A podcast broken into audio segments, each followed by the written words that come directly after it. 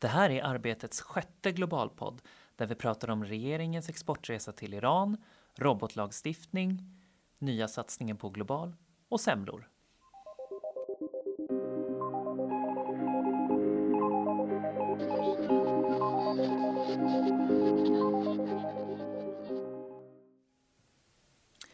Hej och välkomna tillbaka till Globalpodden denna februarifredag. Eh, jag som sitter här heter Kim Nilsson och är webbredaktör på Arbetet. Och eh, denna gång så är Erik Larsson och Linda Flod med mig. Eh, och innan vi tänkte börja prata lite grann om vad som har hänt med Global så jag nämnde ju där att det var februari fredag och man brukar ju prata om februari som vabruari eller att många blir sjuka så jag tänkte bara höra kort med er, hur mår ni?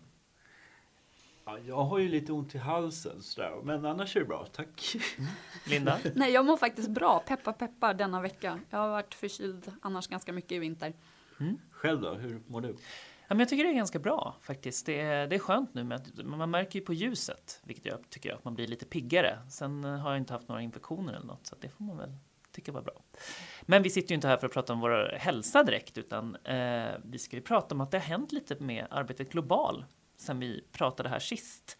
Eh, bland annat så var ju du Linda i Bryssel nyligen då för att skriva om robotar och en modern arbetsmarknad. Och Erik, du har varit hela vägen till Iran. Ja, just det. Just det. Ja, mm. Men eh, vi börjar med den stora nyheten tycker jag och det är ju helt klart att det ska bli mer av global. Vad är ja, det som har hänt Erik? Ja, jo, det är jättespännande. Vi håller på att eh, jacka upp allting med global nu och eh, vi kommer att eh, vi har fått ett, eh, ett anslag från eh, den här biståndsorganisationen Union to Union som gör att vi kan eh, utveckla vårt arbete. Vi kan ta in fler reportage, vi kan mm. göra mer video och, och, så vidare. Och dessutom så ska ha Linda Flod som tidigare varit reporter på Arbetet börjat och jobba heltid för Global också. Så mm. det kommer bli mer av allt. Ja. Kul, men Linda du, det här är ju inte första gången du skriver om, ut, skriver om utrikesjournalistik. Nej, vad har du gjort? Berätta. Um, ja, eh, jag har ju jobbat som ekonomireporter tidigare eh, på flera redaktioner och där såklart kommer man in också på utrikesjournalistik. Eh, särskilt under finanskrisens år där när det var kris för Swedbank i Lettland och Spanien och ja, övriga PIGS-länder gick dåligt så fick man ju bevaka också omvärlden och inte bara svensk ekonomi. Men eh, sen bodde jag faktiskt tre år i New York och bevakade USA för Dagens Nyheter bland annat och Sydsvenskan. Det var under valet va, 2012? Ja, var det. jag flyttade dit eh, i slutet av 2010. Jag eh, flyttade hem 2013. Mm. Um, så det var ju valet, det var presidentvalet 2012, det var ju eh, övriga händelser som det var orkaner, det var Bostonbomber, det var skjutningar.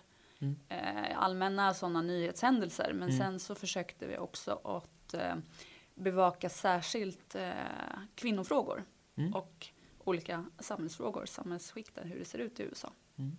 Men du, nu när du har varit här på arbetet så har du ju i första hand bevakat avtalsfrågor och man kan ju mm. säga att eh, avtalsrörelsen nu då är i full gång inför i år. Hur känns det att byta då och gå tillbaka och skriva om utrikesfrågor?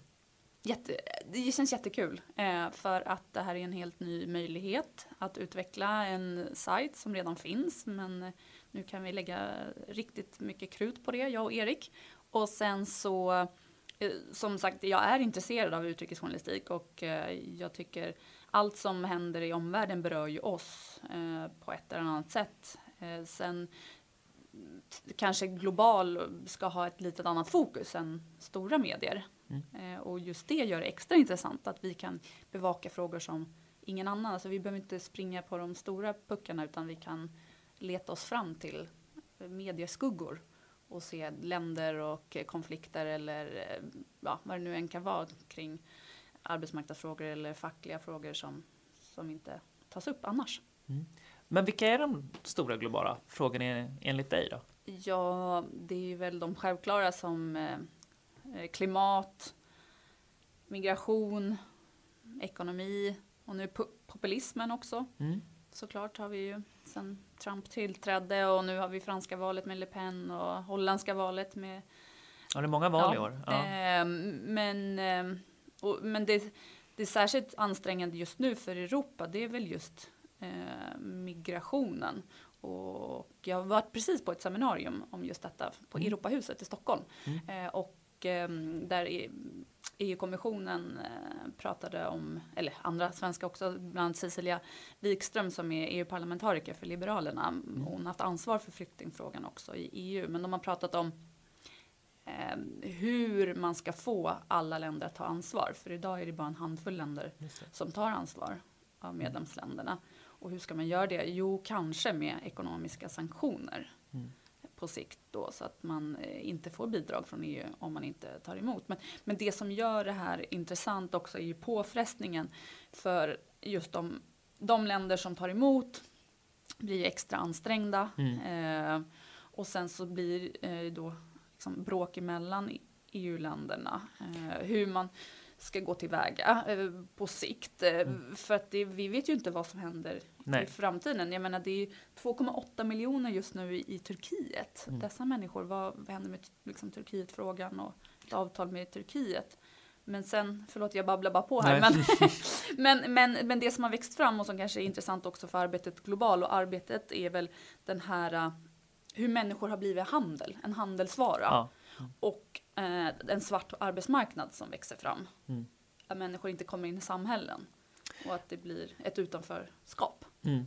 Nej, men för det, det här har väl varit någonting faktiskt som i och med att Sverige då där flyktinghösten 2015 tog emot så många då eh, flyktingar att liksom, man har ju hört till exempel finansminister Magdalena Andersson har ju sagt också att ja, men är de inte med de andra EU-länderna och hjälps åt med flyktingkvoten så ska de inte få vissa.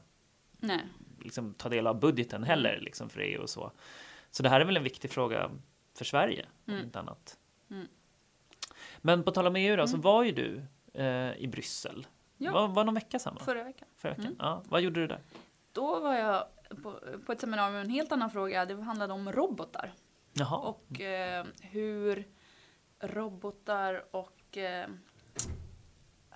artificiell intelligens nu allt mer liksom, blir sammanflätat i samhället. Och eh, vad, vad som krävs för att nu när vi börjar se självkörande bilar till exempel på våra vägar. Eh, det finns ju prototyper, det har inte, eh, kör ju inte omkring dagligen så att vi ser dem. Men eh, hur vad, vad krävs det för lagar och regler kring detta? Det finns inte idag. Inte någonstans i världen eh, finns det en, liksom en sammanhållen lagstiftning kring just robotteknik. Eh, man har man testat- kommit längre någonstans då? Ja, Sydkorea Okej. har Mm. försökt, men det finns liksom ingen så.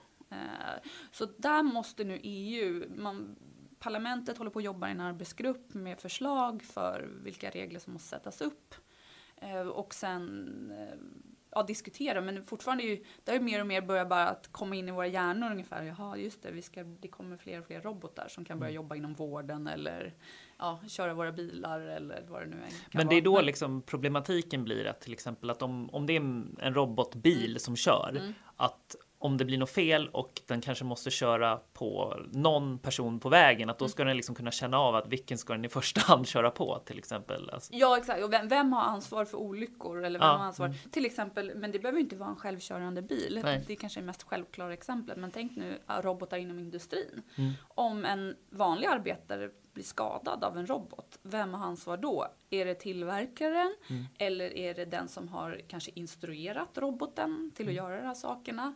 Eh, alla sådana saker. Mm. Eh, så att det krävs ja, diskussioner och massa ja, eh, liksom, samtal kring detta för hur man ska gå tillväga. För det man vill undvika framförallt nu det är att man har en sammanhållen mm, hållning inom EU så att inte enskilda länder börjar stifta egna lagar. nej. Eh, för då kan det bli som ett liksom, lapptäcke som det var någon som sa till mig. Att, mm, olika, ja. Vad tycker du Erik om det här? Då? Om robotar? Ja. Ja, jag är emot.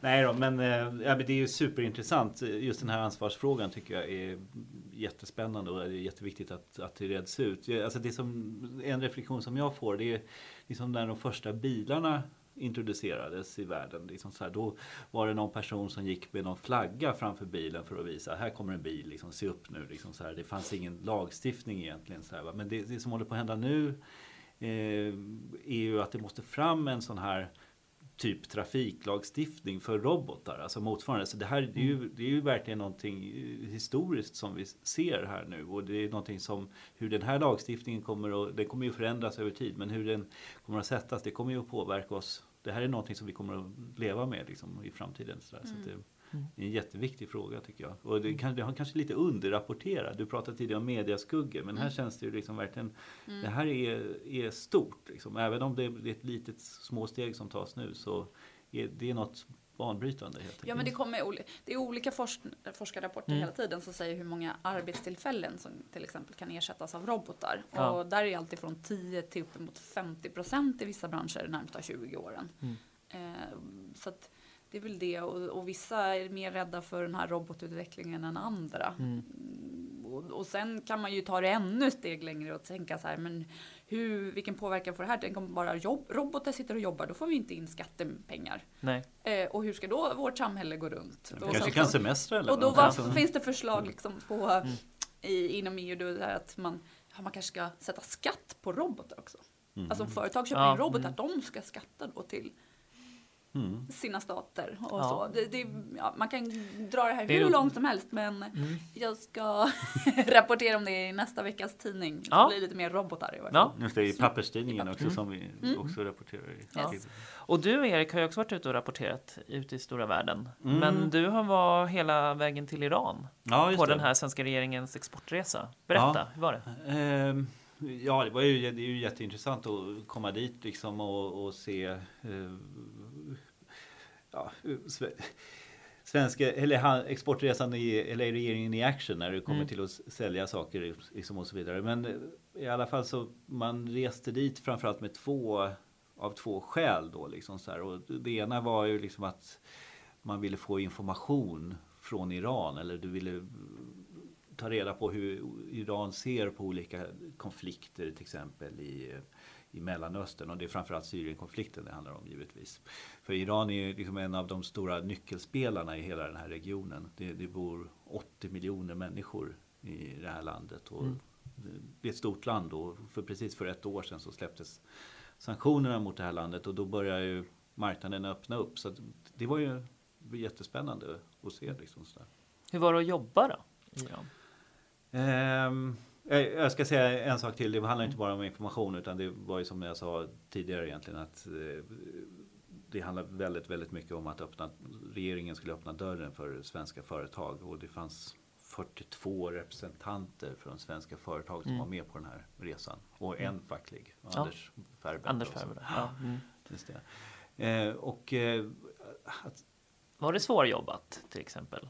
Ja, nu, nu blev det ju mest sådana här att man följde och bevakade hur statsministern, vad han gjorde och mm. mötet med iranska presidenten. Men det var ju också eh, Ann Lindes arbete liksom och, och det där. Så att det var mycket bevakning på den nivån. Mm. Men eh, det var väldigt, jag kan säga så här, det var väldigt svårt att få visum. Otroligt knepigt. Ja, du, du hade ganska, det var lite svettigt där för dig minns jag innan liksom, det blev klart allt. Ja, myndigheterna ska ha kopior av pass hur många gånger som helst och det kan vara samma person som frågar om, eh, mm.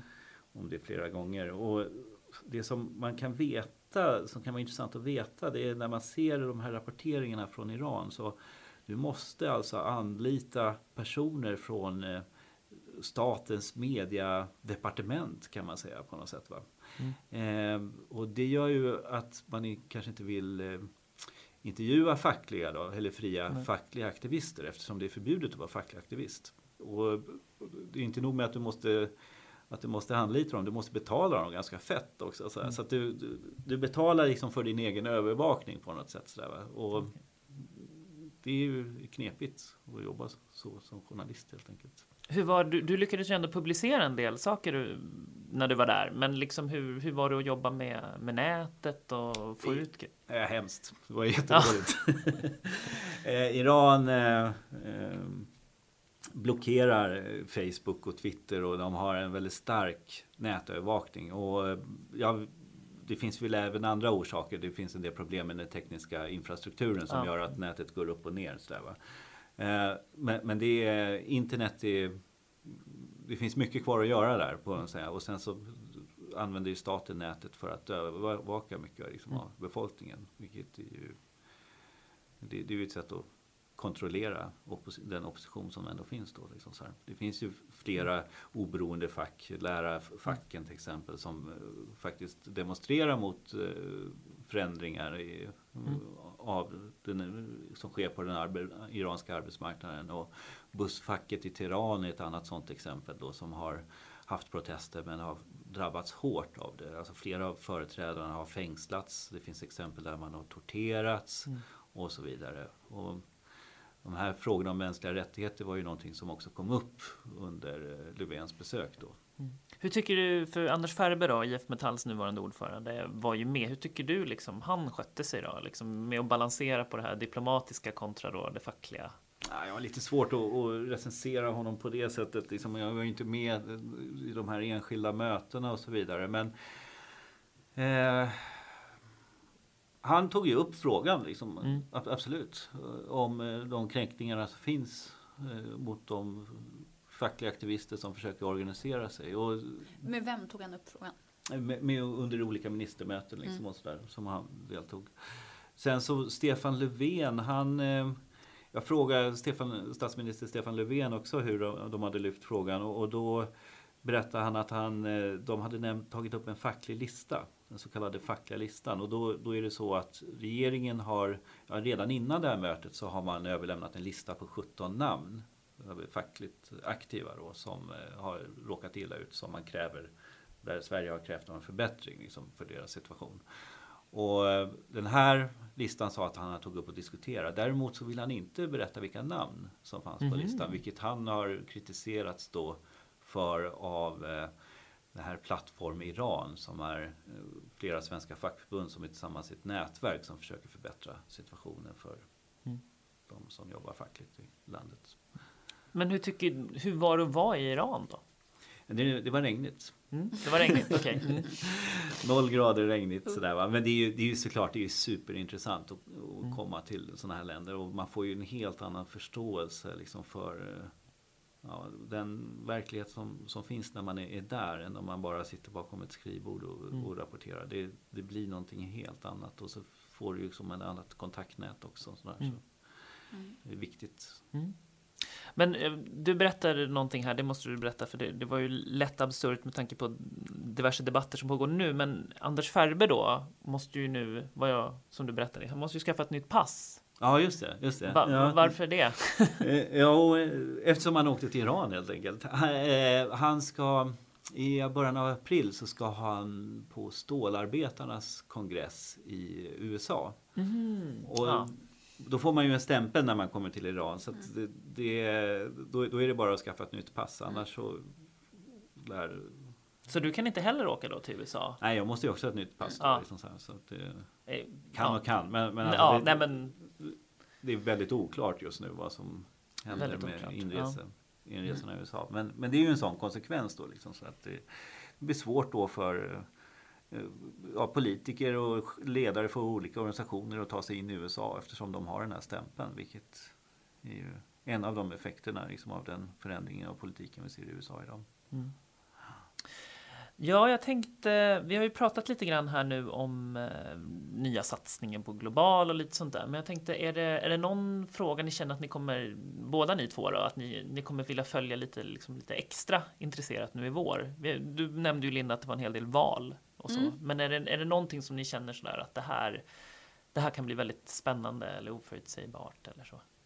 Mm. Spännande vet jag inte, men däremot har vi ju sagt, vi har ju uttalat att vi ska försöka eh, följa Stefan Löfvens initiativ Global Deal mm. och eh, Sveriges roll i, i säkerhetsrådet bland annat. Men sen eh, handlar det ju precis som jag sa där innan att, att leta sig till de okända mm. Striderna och de okända mm. nyheterna mm. som ligger där runt om i världen. För ser man på en världskarta och hur medierna bevakar mm, världen så är det ju ganska koncentrerat till ett fåtal länder. Mm. Ja, och eh, jag tänker lite grann på de här FNs utvecklingsmål. Alltså hur, mm. hur, hur, går det för de 17 liksom mål som FN har mm. satt upp för att skapa en bättre värld helt enkelt. Och, så den, eh, de kommer vi ju att följa under våren och sådär. Och sen så finns det ju en hel del spännande saker i Asien som händer nu. Liksom så här, textilindustrin i Kambodja är ett sånt exempel som är intressant. Liksom så där. Och sen är vi väl också intresserade av det här medborgarlönen. Det är ju i, Just det, I Finland? Där Ja, det finns lite- flera ja, länder mm. nu faktiskt. Det är, vi har även Nederländerna och det finns även andra länder liksom, Mm. där den där tanken börjar växa. Och jag tror faktiskt att den har, kan kopplas lite grann till det seminarium som du var på, Ja, Linda. mm. I, i Ja, men det, det, man pratade om det i Bryssel. ja, Just det här att det kanske krävs också medborgarlön eh, på grund av robotar. på grund av robotar. Mm. Att de tar vår, Mm. våra jobb. Ja, alltså för att jag, jag tror att det är någonting på gång där. Liksom, så här, som, som, eh, alltså vi, man säger ju alltid att man befinner sig i den mest spännande av alla tider. Mm. Men eh, just nu är det så, säger vi. Ja, vi gör det. Ja. Men då tänkte jag hörni, innan vi avslutar här att vi ska det är ju eh, semmeltider, så jag tänkte att ni skulle kunna få bjuda en världsledare på en semla. Och Oh. varför? Oj, oj, oj. Här måste vi ha en betänketid. Ja. jag. Ja, men jag, jag, jag, kan, vill bjuda Donald Trump på en Vill du semla. det? Ja. För att han är lik en semla eller? Nej, jag ska Nej, nej, nej, men alltså jag skulle verkligen tycka det var spännande att bjuda honom på semla och höra hur han tänker liksom kring eh, många av de politiker, politik, politiska förslag som han har lagt fram. Och, ja, det, det skulle vara mycket intressant faktiskt. Nej, Jag måste passa på den här. Näst, Nästa, om jag är med i nästa avsnitt eller någonting, då kommer jag svara. ja. Ja. Eh, nej, men jag kan. Jag skulle vilja av Ja. lite av samma Ja, vem är du? orsak.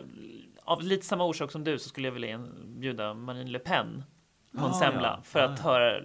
Alltså jag, man vet ju till viss del hur hon tänker, men det skulle vara intressant i ett liksom stängt rum och ändå. Fast skulle du inte bjuda henne på en Napoleonbakelse istället? Kan man tårta någon med en semla? Nej, det ska man inte göra. Nej, Jag har faktiskt hälsat på henne. Du har I, gjort pa- det? I parlamentet. Ja. Mm. När jag var där, jag bevakade EU-valet. Eh, då jobbade jag på Expressen eh, Mm. 2014. Just det. Och sprang på henne. I, vi gjorde en intervju med henne i EU-parlamentet. Mm. Mm. Ja, om jag gör det, stöter ihop en gång får vi Ja. se om vi har några semlor till, Mm. till hands då. Eh, men eh, det tror jag var allt vi hade för den här gången. Men vi återkommer ju såklart igen och då har vi säkert mycket mer spännande att berätta eftersom vi satsar lite mer på global nu. Ja, Ja. ja tack Ha det bra. Tack, tack. Tack.